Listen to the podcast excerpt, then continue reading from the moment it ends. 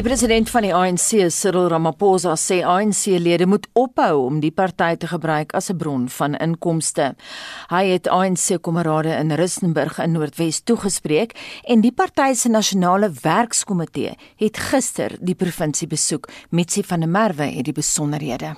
President Ramaphosa het die ander lede van die nasionale werkkomitee, Nomvula Mokonyane, Jeff Radebe, Snuki Sikilala, Malusi Gigaba, Obed Papela en Sibongile Besani vergesel. Afgevaardigdes van die Bojonala streek was by die vergadering om kwessies in die organisering en voorbereiding van die tak en streekskonferensies te bespreek.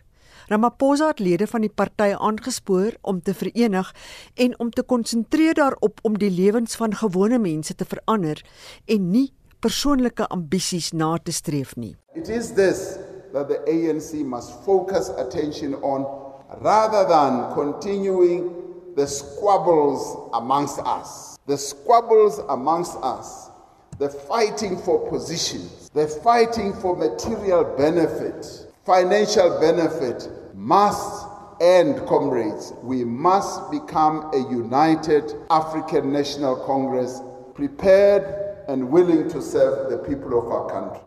Ramaphosa het bygevoeg dat die party elektroniese stelsels gaan gebruik om lede te registreer sodat die duplisering van registrasies vermy word. We must have and implement a new membership system and that is part of the renewal so that we get rid of tendencies which we have had in the past where members join other members where there is a lot of funny things that happen buying of members buying of you know membership cards, bulk buying and all that. So that is part of the renewal process and that is aimed at strengthening the African National Congress. Intussen het ander ANC-ondersteuners buite vergader en singend geëis dat die president hulle toespreek. As much as we can be the messenger, but the people are here to represent the branches and they want to see the president. So we are just saying, let the president come out of the meeting and address the masses. We are with the president. You are not going to fight the president. Ibile le respect if we see the president. We are gathered here for the president. Ander lede wou meer weet oor sake wat deur die interim provinsiale komitee in die afgelope paar jaar hanteer is. We can see that they are under attack. So that's why we are supporting them. We are here to demonstrate to show them the support uh, uh, that they have from our branches. You'll remember a few days ago there was a court uh, appearance in uh, Mangau where the Secretary General of the ANC said that uh, there is no ANC without Supra in the Northwest. So we are just here to demonstrate that even without Supra Mauma, Pelo, the ANC is still here. Die tussentydse provinsiale komitee sal na verwagting in Januarie na die provinsiale konferensie sy termyn beëindig. Zebulon Mahine het hierdie verslag saamgestel. Mitsi van der Merwe, SAK-nuus. Dis nou kwart oor 7 en ons bly by die ANC se nasionale werkkomitee se besoek dan aan Noordwes gister. Nou die interministeriële taakspan het die provinsie in Mei 2018 volgens eh, daardie afdeling 100 van die grondwet onder administrasie geplaas.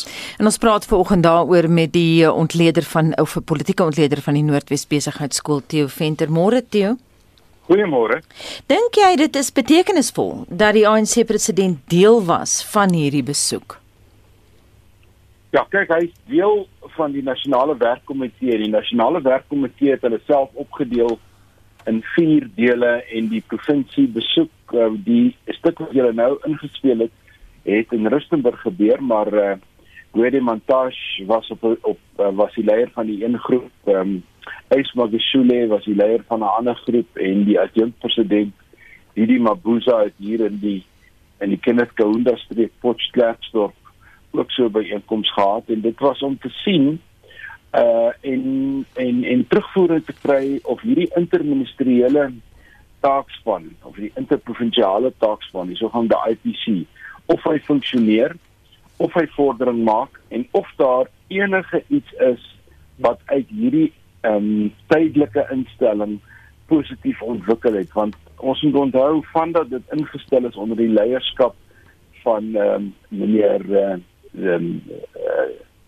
uh, wat is sy naam uh, Chauke het daar nog geen takke gestig nie.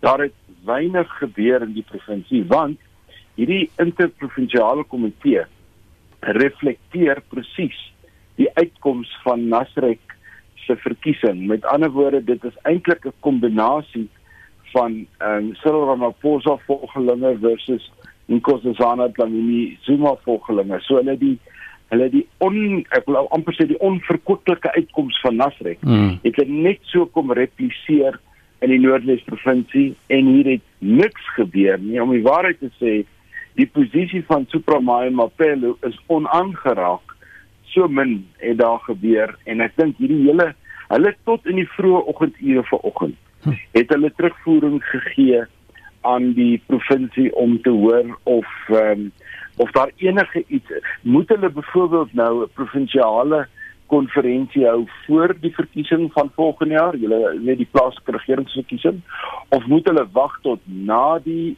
verkiesing? Dis alles goed wat nou hier besluit moet word want die stand van die party in hierdie provinsie is swak. Jy praat nou so van van Nasrek destyds. Geen net so 'n bietjie geskiedenis waar kom hierdie probleme met die ANC in Noordwes vandaan wat gelei het tot hierdie artikel 100 uh, proses wat nou begin is? Dit het veral te doen met twee goed. Dit het te doen met die feit dat die ouditeur-generaal 'n um, sekere baie swak bestuursprosesse uitgewys het. Dit lê op die regeringsvlak en dit het veral druk geplaas op Supramae Mapelo as premier en een van die maniere om beheer te kry oor 'n provinsie is om hom onder administrasie te plaas. En hmm. dit is waar Noordwes is. Ons het twee vlakke van ministerie op die verskillende staatsdepartemente. Maar parallel daarmee was daar ook 'n politieke proses wat binne in die ANC afspeel. Ja. En dit is die dit is die sogenaamde interprovinsiale konferensie of interprovinsiale komitee wat nou eintlik tydelik die provinsie se politieke bestuur moet lei na 'n kongres toe sodat daar nou leiers verkies kan word want alles is nou interim. Dis interim takbestuure dis interim re regionale bestuure en dis interim provinsiale bestuur. So alles is interim en daarom is die soeke na een of ander rigting ehm um, en daar is selfs sprake dat die huidige koördineerder ehm um, vervang moet word met iemand anders wat meer leiding en meer rigting kan gee. Nou binne die ANC was daar ook 'n ondersoek en as jy nou teruggaan na Nasrek toe sou jy sien drie provinsies het buitengewone groei getoon in takke. Een was Noordwes, die tweede een was die Vrystaat en die derde een was Mpumalanga. Hmm. En daar bestaan al lankal ehm um, 'n 'n 'n vrees dat hierdie takke, 'n grootste gedeelte van hierdie takke, was eintlik seru takke. Dis takke wat gestig is op 'n op 'n skelm manier binne in die ANC, want jy 2000 rand nodig en jy het 100 lede nodig en jy het 'n bazaarlys nodig. Want jy tak. Dan kan jy hmm. dan jy tak. Hm. En hierdie takke het 'n groot impak gehad op Nasrek en ek dink baie van die sogenaamde vernuwing waarvan die president melding gemaak het as president van die ANC is pogings om hierdie skelmsteke in die ANC wat 'n ou storie is om dit te probeer uitwis uh, deur middel van 'n elektroniese registrasiestelsel van lede en dis meer. So die die ANC se interne bestuurstrukture in Noordwes het baie verswak. As jy pas by ons aangesluit het, ons praat ver oggend met 'n politieke en beleidsontleder van die Noordwes Besigheidsskool Theo Venter. Theo, jy het nou verwys na Sedo takke. Die president het op sy beurt verwys na Sedo lidmaatskap. Hy het verwys na hulle benodige new membership system. Hoe sou so iets werk en is dit die oplossing? Dis beslis die oplossing. Ek dink enige moderne party het het elektroniese lidmaatskap. En elektroniese lidmaatskap lidmaatskap kom maar eenvoudig daarop neer dat daar 'n sentrale database is en jy as jy 'n lid is, dan wys dit daarop en jy um, moet lidmaatskap registreer want wat nou gebeur het is um, ek praat nou van 'n bazaarlys. Jy het met 100 'n uh, lys rond jy moet 100 handtekeninge kry elkeen moet uh, eh, 10 rand of 20 rand lidmaatskap betaal en jy dien dit in. Daar is geen ehm um, agtergrondstudie, daar's geen wetting wat gedoen word om te kyk of die lede nie alreeds lede is nie. en of die lede regtig bestaan. Met ander woorde gaan gaan kyk of hulle idees op die nasionale database bestaan en daai soort van goed. En ek dink dit is waarna die ANC nou mik om so stelsel te kry. En dan kan 'n mens ook vir die eerste keer begin vra vra maar hoeveel lede het die ANC? Ek moet miskien net vir julle kortliks verduidelik toe die IFP uh um uh, aanspraak gemaak het daarop in die 90's dat hulle oor 'n miljoen lede het het ek fisies gaan navorsing doen in Ulundi. Hm. Ehm um, en ek het in die kamer gekom waar hulle lidmaatskap gehanteer word en daar het het, het ek gekry bokse en bokse vol ou leers waaroor niemand beheer het nie. En ek het vir hulle gevra maar goed uh, julle sê nou hierdie is julle lidmaatskap. Hoeveel van hulle is nou al dood? Hoeveel lewe nog? Hoeveel is nie hoeveel is gedupliseer en hulle kon my nie vertel nie.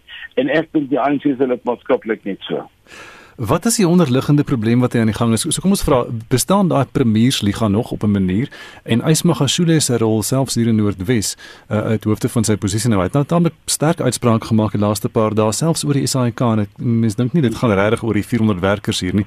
Uh, Daar's asof asof haar ANC politiek agter die skerms aan die gang is en dit speel nou uit hier in 'n teater daar in Rustenburg. Ja, Ysmagashule is nog steeds um, redelik populêr in Noordwes. Ehm um, want Ehm um, soos julle weet hy en Supramai Mapelo en ons huidige ek dink president Didi Mabuza was die drie lede van die sogenaamde Premier Liga.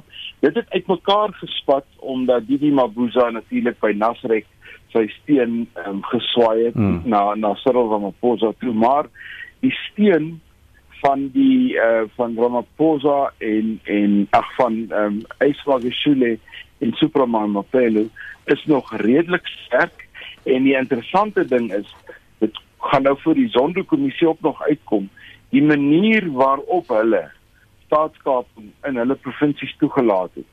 Ehm um, was baie dieselfde.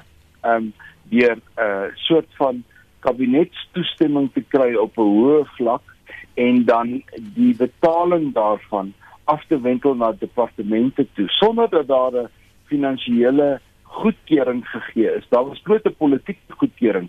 Dan word daar druk geplaas op amptenare onder toe want daar is mos nou politieke goedkeuring om die betaling te betaal.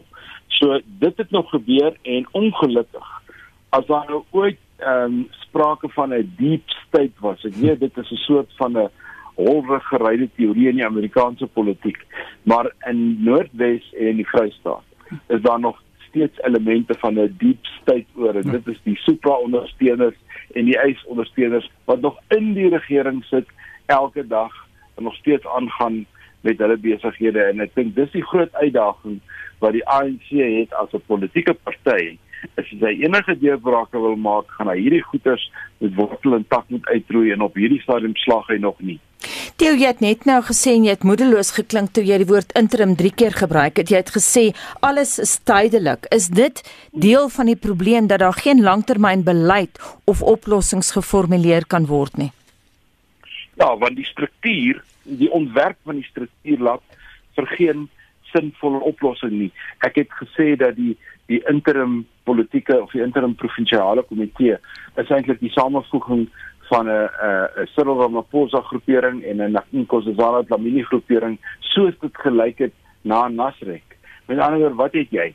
Jy het twee opponerende groepe binne die ANC, jy twee faksies wat op 'n provinsiale komitee sit en op 'n of ander manier vordering moet maak. Hulle kan nie, want hulle werk teen mekaar die hele tyd. Ek dink die hele die hele um, interim struktuur moet uh, wat my aanbetref moet op sy gestuur sy gesit word en daar moet 'n ander komitee aangewys word om hierdie provinsie te lei tot uiteindelike verkiesing van 'n provinsiale leierskap want daar is nie op die oomblik provinsiale leierskap nie. En dan net te midde van hierdie faksies dan nou, wat is die rol van die oppositie? Die EFF is die groot oppositie daar. Die DA het die naweek 'n nuwe leier gekies. Wat kan hulle rol wees? Kyk, die rol van die oppositie in Noordwes lê veral op plaaslike regeringsvlak. Ehm um, en um, op die um, wetgewer vlak het hulle 'n rol in die sin dat hulle um, 'n nogal belangrike vrae vra en die prosesse baie keer aan die loop sit om navraag te doen en ouditeur-generaals ehm um, bevindinge uh, bevraagteken en so aan maar ehm um, hulle is nie voldoende nie en hulle werk nie saam nie. Ehm um, die EFF se steun lê hoofsaaklik in die Rustenburg Marikana gebied. Die DA se steun lê meer in die platteland in, maar die ANC beheer die provinsie met 'n baie veilige 70% hmm. van die van die steun. So die politieke partye, die oppositiepartye werk baie hard, maar hulle is baie klein. Baie dankie en so sê die politieke en beleidsontleder Theo Venter van die Noordwes Besigheidsskool. So pad na 27 minute oor 7 en die VN se voedsel- en landbouorganisasie sê toegang tot enstowwe teen verskeie mikrobiese infeksies is noodsaaklik om te verhoed dat teen mikrobiese weerstand die volgende pandemie word wat die mensdom tref. Volgens kenners op die gebied kan dit beteken dat pandemies waarvoor daar geen behandeling is nie aan die orde van die dag kan word vir mense, plante en diere. Marlenae Forsie het meer besonderhede. Teenmikrobiese middels is middels wat gebruik word om onder meer bakteriese en fungusinfeksies te bestry. Dit sluit antibiotika in, maar is nie daartoe beperk nie. Volgens die organisasie se hoofveeartsenykundige Keith Sumption begin mikrobiese kieme vinniger aanpas as wat ons medikasie kan byhou en dis ons skuld. Predominantly the the issue for us relating to plants and animals is that what comes from people and from livestock when they are treated goes into water, and water is common to, to, to pretty much all terrestrial and, of course, aquatic systems. So we, we are seeing the effects of antimicrobial resistance in the soil, uh, residues from antimicrobial agents in many groundwater sources. So even things which are treated, uh, such as plants, um, with, with water uh, as part of irrigation may well be carrying antimicrobial resistant bacteria as a result of that soil exposure. So things are coming into the environment and that affects plants and it affects animals that are then drinking that from the same sources. Minstens 700 000 mense sterf jaarliks omdat hulle infeksies weerstand opgebou het teen teen mikrobiese middels. Vooruitskattinge toon aan dat die getal tot 10 miljoen per jaar kan styg in die volgende 30 jaar. That's sort of similar now to what we're seeing with the pandemic that we're facing at the moment, but imagine that on a yearly basis. So already in, in areas such as Europe, which are quite well developed, 33,000 people are estimated to die each year from, from drug resistant infections. So in the past, without antibiotics, we would be worried about minor injuries that would be um, thorns and other things which can introduce infections becoming untreatable. And this is the great fear is that routine inf- infections, routine operations, many of the things we take for granted will be affected by this continuous growth. So it's here, it's now. Omdat die middels gebruik word van mense tot vee en selfs op landerye en in boorde, moet die kwessie proaktief deur alle sektore aangepak word. How do we reduce our dependency on these antimicrobials? How do we replace them with better practices, nature based solutions that will ensure health rather than treating? So it's our human behaviors of seeking to frequently treat our problems rather than prevent our problems. You know, prevention takes a bit more work. It can be ahead of the problem. And sometimes that means paying a bit more in advance and rather than waiting and then treating afterwards. Dis veral hier waar die ontwikkeling en gebruik van enstowwe 'n uiters belangrike rol speel. daarmee saam behoort wetgewing volgens hom aangepas te word om toegang tot teenmikrobiese middels vir minder ernstige gevalle te beperk. The uh, access of people to antimicrobials is not very controlled in certain countries. So legislation is important and it's a need there to be alternatives. Uh, we can't just remove classes of treatment and expect the world to be able to cope. So we have to assist in some situations and move to prevention rather than, than treating.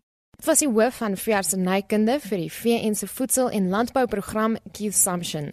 Tog meen hy, dis uiters belangrik dat teenmikrobiese middels soos antibiotika in ernstige gevalle aanhou gebruik word.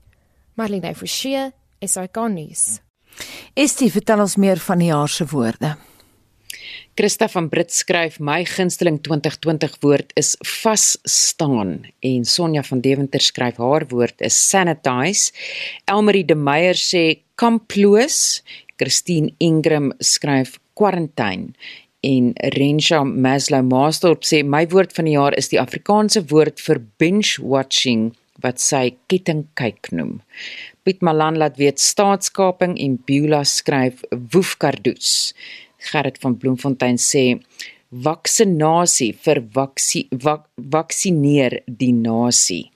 En Saret Jubber Barnard sê my woord is selfdissipline om daai deksel se masker te dra en reg te dra. En Jaco de Pre sê Grendeltyd.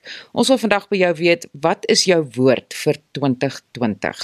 Stuur vir ons 'n SMS na 45889. Onthou dit kos R1.50 per SMS. Gesels saam op ons Facebookblad by ZARSG of WhatsApp vir ons stemnota na 076 536 6961. Dis nou 25 minute voor 8 en tyd vir wêreldnuus. Die Amerikaanse president Donald Trump het in 'n tweet gesê die oorgangsproses vir die nuutverkose president Joe Biden moet nou begin. Hy sê die federale agentskap wat die oorgang hanteer, moet doen wat hulle moet doen. Malene Forsie is nou hier met die jongste.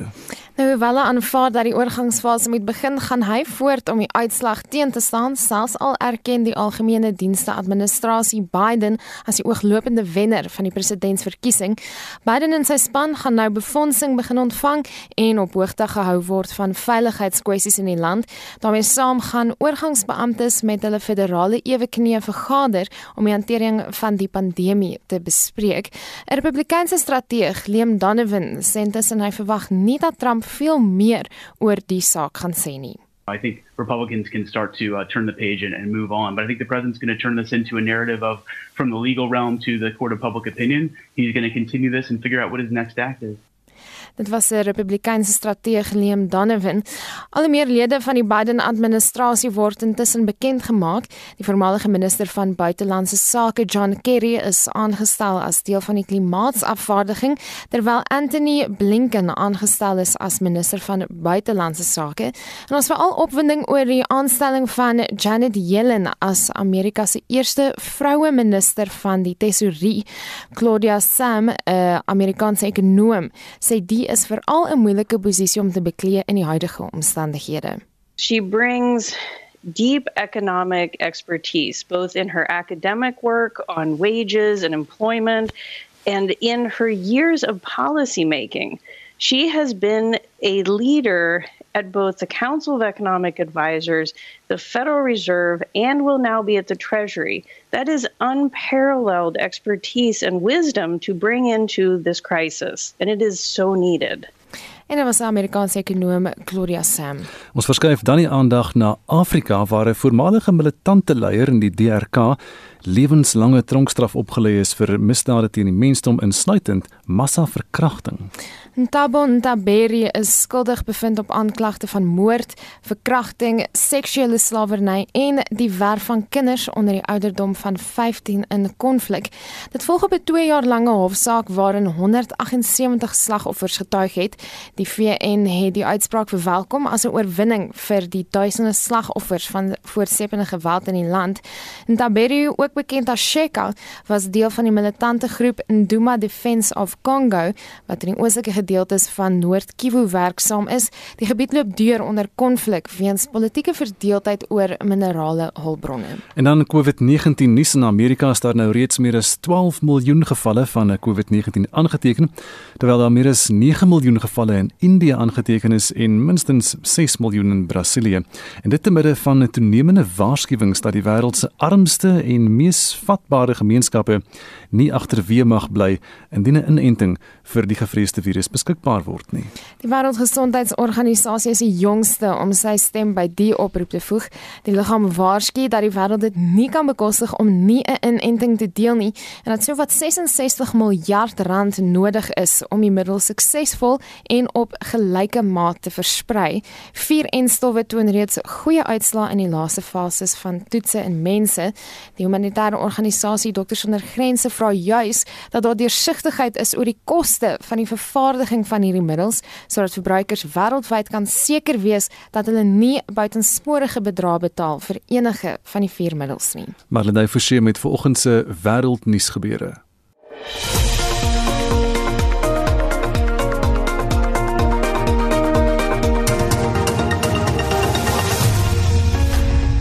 Die hoof van die Britse weermag, generaal Sir Nick Carter, sê meer as 30 000 robotsoldate sal in die toekoms langs hulle menslike eweknieë in die veld wees. Boonop is die toekoms waarvan Sir Carter praat net om die draai. Hy verwys na 2030. Vir meer oor die haalbaarheid daarvan praat ons nou met professor Abel Esterhuise van die fakulteit Kraskunde aan die Universiteit Stellenbosch. Môre Abel. Goeiemôre Anita.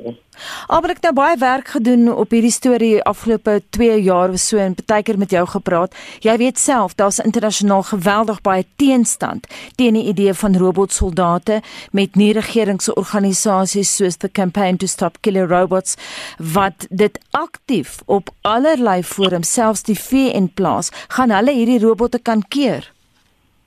Absoluut nie. Ehm um, en en die die rede is baie baie eenvoudig. Robotte robotte is maar 'n volgende iterasie van tegnologie ehm um, wat benut gaan word op die slagveld. Eintlik het ons al klaar gerobotiseerde tegnologie ehm um, in oorlog gebruik die afgelope 20, 30 selfs 40 jaar. Ons noem dit slim wapens wat eintlik nou al ou tegnologie is en eintlik wat eintlik niks anders is as 'n missiel met 'n robotagtige vermoë om sy teiken te volg nie. Ehm um, so robotte gaan op 'n een, een of ander manier kwesbaar wees in 'n oorlog en die proses wat ons deur die eeue uh, gesien het wat wat afgespeel het tussen die offensief en die die die defensief tussen uh die die die wisselwerking tussen die vind van 'n teenvoeter vir 'n wapen gaan ons maar in hierdie geval ook sien. So iewers op ehm um, op 'n manier gaan ons die gruisame proses van vernietiging sien uitspeel wat killer robots ook gaan vernietig. Hm. So hoe gaan die slagvelde van die toekoms lyk op 'n fisiese vlak? Hoeveel hoeveel tyd het ons Anita? Ehm um, kom ek begin by die troefkaart scenario. Ek dink die troefkaart scenario is natuurlik die versmelting van georganiseerde misdaad, onbeheerde kriminaliteit, korrupsie, lae intensiteit oorlog en grootskaalse terreur in 'n stedelike omgewing wat feitelik alle voordele wat moderne tegnologie na die tafel toe bring neutraliseer. Maar nou goed, kom ons beweeg na die meer konvensionele omgewing toe. Ek dink die belangrike ding wat daar gaan gebeur is die integrasie van die verskillende domeine, ehm um, die maritieme land, die lugruimtelike en die en die kuberdomeine. Ehm um, omdat aan die een kant dit is 'n geweldige vernietigende potensiaal van moderne wapentuig. Ehm um, en aan die ander kant sit ons met die saakmakende rol van tegnologie in die inligting, kommunikasie en bevel en beheer omgewing en hierdie goed gaan op 'n manier geïntegreer begin opereer in die die slagveld van die toekoms. Maar Abel gaan dit nie baie duur wees om hierdie robotte te gebruik eerder as hulle menslike eweknieë nie. Ja, die vraag ehm um, oor die koste van oorlog is natuurlik altyd 'n baie interessante vraag en dit bring ons na terug na baie fundamentele vraag en naamlik hoeveel is die lewe van 'n mens werd? Ehm um, oorlog is 'n is 'n sosiale en menslike aktiwiteit en ons sal nooit die die mens uit oorlog kan verwyder nie dan verloor hy uh, sy nutswaarde in die internasionale politiek.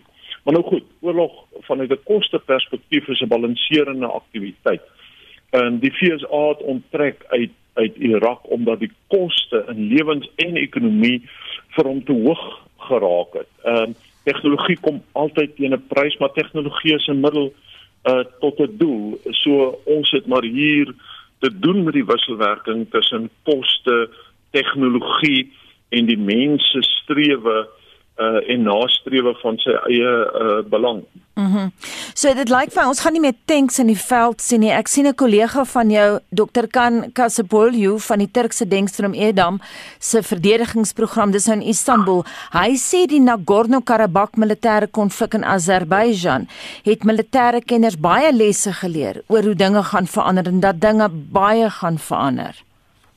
Wel, ek twyfel nie daaroor nie. Dit is 'n geweldig interessante gevalle studie wat wat nou bestudeer word. En ek dink die eerste belangrike les wat geleer is is dat 'n uh, konvensionele vermoë soos ons dit geken het nog steeds baie belangrik is om terrein te neem te verdedig en en en natuurlik die opponerende mag toegang te ontsê en die infanterie soldaat bly die sleutel tot tot daardie vermoë maar Hy kan dit nie doen sonder sensoriese vermoëns, sonder elektroniese en teenelektroniese vermoë en veral sonder 'n teenhommeltuig vermoë nie. Ehm um, hierdie magte raak uiters kwesbaar sonder hierdie vermoëns. Ehm um, en dan toenemend moet ons ook begin uh, dink aan hoe integreer jy hommeltuig vermoëns met uh, kinetiese vermoëns wat in die lug rondvlieg want artillerie en mortier en en allerlei ander bomme gebruik ook die ook die lugruim. So hoe deel ons hierdie lugruim om dit maksimaal te benut? En en dan 'n baie interessante ding vir my wat ek dink uit die die die die konflik na vore gekom het is hoe die grense tussen vrede en konflik uh, tussen vrede en oorlog besig is om te kwyn en wat in hierdie grys area tussen vrede en oorlog besig is om te ontvou en hoe die kuberruimte toenemend 'n belangrike rol begin speel in hierdie toestand van kom ons noem dit grys oorlog waar ons nog in vrede nog in oorlog met mekaar verbind is. En dan laastens moet ek sê die hommeltuie het hulle in daardie oorlog bewys as 'n uh, 'n primêre middel om lugafweerstelsels te vernietig, om tanks te vernietig en 'n mens dink veral hier aan die die navorsing wat die Israelies gedoen het rondom die sogenaamde kamikaze drones wat Uh, ons herinner aan die Amerikaanse aan die Japaneese kamikaze vliegtye wat hulle op dieselfde manier nou drones gebruik om in tanks in te vlieg en in lugafweerstellings in vas te vlieg met 'n met 'n plofkop.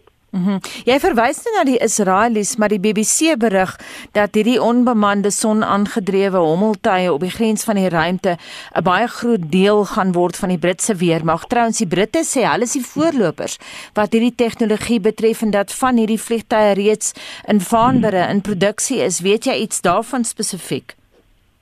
Wel, ek het geen twyfel dat die tegnologie bestaan nie. Ek het ook geen twyfel dat ehm um, dit in produksie is nie en ek het ook geen twyfel dat ehm um, die daar 'n baie baie sterk samewerking is tussen die Amerikaners, die Britte, die Kanadese en die Australiërs wat dit aanbetref nie. Ehm um, die interessantheid van van spesifiek hierdie tegnologie van son-aangedrewe tegnologie is dat dit opereer in die in die omgewing tussen die ruimtelike en die die lugdomein. Ehm um, en en wat ons hiermee te doen het is uh, die oorgang tussen bemande en onbemande vaartuie. En dit bring 'n uh, 'n baie interessante nuwe dinamiek uh, na vore omdat ehm um, dit gaan oor ehm um, of die ruimte bewapen gaan word en of die ruimte nie bewapen gaan word nie. Ehm um, en tot nou toe het ons half aanvaar dat die ruimte nie bewapen gaan word nie. Ehm um, met ander woorde dat ons tegnologie soos GPS tegnologie tot 'n groot mate toe sal kan gebruik sonder dat dit met 'n kinetiese effek die satelliete vernietig gaan word. En wat ons toenemend nou sien is dat daar ontwikkelings aan die gang is wat in daardie omgewing opereer, daardie ehm um, wisselwerking tussen die ruimte en die lugomgewing waar wapens toenemend belangrik gaan word en dis 'n interessante nuwe ontwikkeling uh, wat aan die orde is. Klink nogal vreesaanjaend ook. Baie dankie sussie professor Abel Esterhuis en hy is van die fakulteit krygskunde aan die Universiteit Stellenbosch. Dis nou so 11 minute voor 8 uur by Monitor op RSG en Keniaanse dokters het 'n stakingskennisgewing uitgereik nadat 10 dokters aan COVID-19 dood is. Die Keniaanse vakbond vir mediese praktisyns, aptekers en tandartse het reeks eise aan die regering gestel wat dringend aandag benodig. Vincent Mufokeng doen verslag. Sedert COVID-19 vir die eerste keer in Kenia aangemeld is, is daar minstens 30 gesondheidswerkers, insluitend 10 spesialiste dood. Volgens die vakbond is dit 'n groot verlies vir die land se stryd teen die pandemie. Nou het amptenare 'n stakingskennisgewing van 3 weke uitgereik tensy daar aan hulle eise voldoen word. Dr. Chibanzi Mwachinda is die sekretaris-generaal van die vakbond. Provision of standard and adequate PPEs in all healthcare facilities in the Republic of Kenya. Doesn't matter it's private or public. This is now government responsibility. Two, comprehensive medical cover for all doctors, public and private, in the Republic of Kenya. Three, workman's compensation for all doctors and other healthcare workers. Hy vra ook dat politici alle politieke byeenkomste moet staak en aandag skenk aan dokters se gruwe. Doctors are the frontline healthcare workers and the soldiers in this war. If this war is not important to you, then it means our lives to us. Hulle kritiseer ook die wydverspreide korrupsie met die aankoop van persoonlike beskermende toerusting en wonder waarom niemand nog vasgevat is nie. Doctors will not engage in a suicide mission in the war against COVID-19 in Kenya. All the entrepreneurs who resulted in loss of funds in the stalling of distribution and buying of PPEs at KEMSA, this is equally on your blood. As daar nie aan hulle eise voldoen word nie, dan sal die Keniaanse gesondheidswerkers hulle staking op 6 Desember begin. Die verslag van Sarah Kimani. Ek is Vincent Mufokeng vir SAI Garnis. Die minister van kommunikasie, Stellan Dabeni Abrams, het onlangs 'n kuberlaboratorium by die Kingdom Apostolic Kerk in Mabopane noord van Pretoria geopen. Sy sê hulle het 'n vennootskap met die kerk aangegaan omdat dit reeds 'n sakeforum en 'n rehabilitasieprogram het wat die gemeenskap dien. Lea Magnus het meer. Die minister van kommunikasie en digitale tegnologie, Stellan Dabeni Abrams, sê die kuberlaboratorium se rekenaars het internettoegang sowel as onderwysprogramme wat vir al die jeug in die gebied kan help. Our training institute NEMISA, in partnership with Coursera, has, if you have seen, have advertised and called for young people to register so that they can benefit from the training program. So that's one of the things that we'll be doing through the cyber lab that we're offering. Secondly, as we talk of cybersecurity, that, that, that indeed we need to uh, enhance, we have partnered again through our department with the cybersecurity hub to make sure that we provide information on the do's and don'ts when people participate in the internet or cyberspace. Die minister van maatskaplike ontwikkeling, Lindiwe Zulu, het ook die geleentheid bygewoon. Sy sê dit is belangrik vir die regering om hande te vat met kerke en plaaslike organisasies omdat hulle beter weet wat die knelpunte in hul gemeenskappe is. We come here not only to just have a participate in the church, but also myself as a minister of social development. It is important for me as a minister and my department and SASA and NDA to know whether the people who are in this area are getting the services. Ndabeni Abraham sê die eerste fase van die digitale migrasie gaan goed. Even in this area in Mabubane, as you heard, they've rolled out to some households that are beneficiaries of the program. Of course, we are looking at ensuring that by 2021 and 2021, we would have at least covered and therefore migrated people. Right now, we're talking about the first phase where we provided uh, 1.5 million households. We are completing the, the, the remainder, which is about 700 or so now, 700,000 or so. Dit was die minister van kommunikasie en digitale tegnologie, Stella Ndabeni Abrams, en ek is Lila Magnus in Pretoria. So 6 minute voor 8 nou en dokters sonder grense se veldtog vir toegang tot bekostigbare lewensnoodsaaklike medikasie vra vir absolute deursigtigheid rakende die koste van die vervaardiging van die maatskappy Moderna se COVID-19-enstof. Nou die middel is na bewering minstens 94% doeltreffend en word deur die Amerikaanse maatskappy Johnson & Johnson getoets. Nou die maatskappy Aspen is gevra om die produk in Suid-Afrika te vervaardig, maar die veldtog bly skepties oor hoe gereedelik beskikbaar die middel in die land sal wees. Een van die veldtog se hoofaktiviste, Candice Homa, sê hulle vra vir deursigtigheid wat die kliniese data en ontleding in die ontwikkelingsproses betref.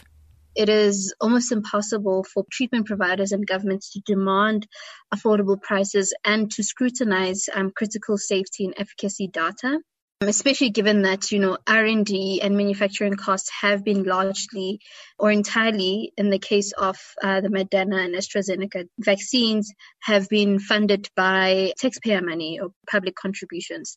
So we believe that the public deserves to see a transparent breakdown of these costs and data to allow them to hold um, governments accountable as well as these companies accountable and to also call for better you know affordability of these of, of these um, vaccines Drie enstowwe word in die land getoets en Sehoma sê kennis bied die mag om te verhoed dat die vasteland afgeskeep word wanneer die finale produk beskikbaar word.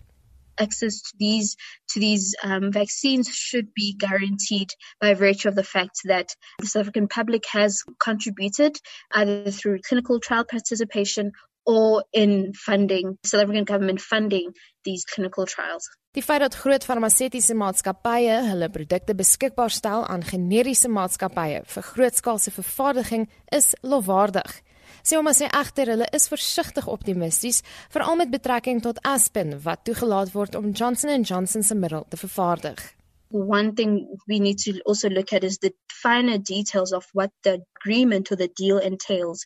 Firstly, we know that despite the fact that Aspen will be manufacturing these products locally, we are not guaranteed as a South African citizen that we will get access to this vaccine because at the end of it, Johnson & Johnson holds the IP, the know-how of this particular vaccine, and therefore they have the authority and, and the power to decide how this is allocated, where it will be distributed. And so far, we don't have that detail. So it's still a question if whether we will get access to this vaccine despite it being manufactured in South Africa because at the end of the day, Johnson and Johnson still holds the IP. They still get to determine if whether we will get it, get it or not. Dit was een van die hoofaktiviste vir Dokters Sonder Grense se veldtog vir toegang tot bekostigbare lewensnoodsaaklike medikasie, Candice Homa.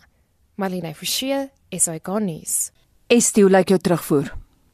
Helene sê haar woord is grendel pendel tussen die slaapkamer en studeerkamer om te zoom. Gertrude sê my woord van die jaar is nuwe normaal en aanlyn en Konrad van Wesrand sê bog twak en onsin. Karmia Korsten skryf haar woord is Google Classroom en Irma van Benoni uh sê ook Grendeltyd Milroy Rogers sê COVID-19 en 'n luisteraar sê dom as strand mense wat teen die wetenskap stry. Maggie van Henley aan Klip laat weet haar woord van die jaar is oop. Die haarkapper, rolbal klap en drankwinkel is oop. En dan sê Wilma Rickert sê haar woord is huisarrest. Jacques Kypie niemand laat weet inperking en grendeltyd nog nooit voorheen die twee woorde so baie gehoor nie. Eintlik het ek nie geweet daar is 'n woord soos grendeltyd nie. Baie dankie vir jou terugvoer vandag. Maar nou lê die dagboek vir Spectrum later. Die Menseregte Kommissie spreek die media toe oor die omstandighede om die beweerde rasisme by Brackenfell Hoërskool en die hantering van die aantuigings.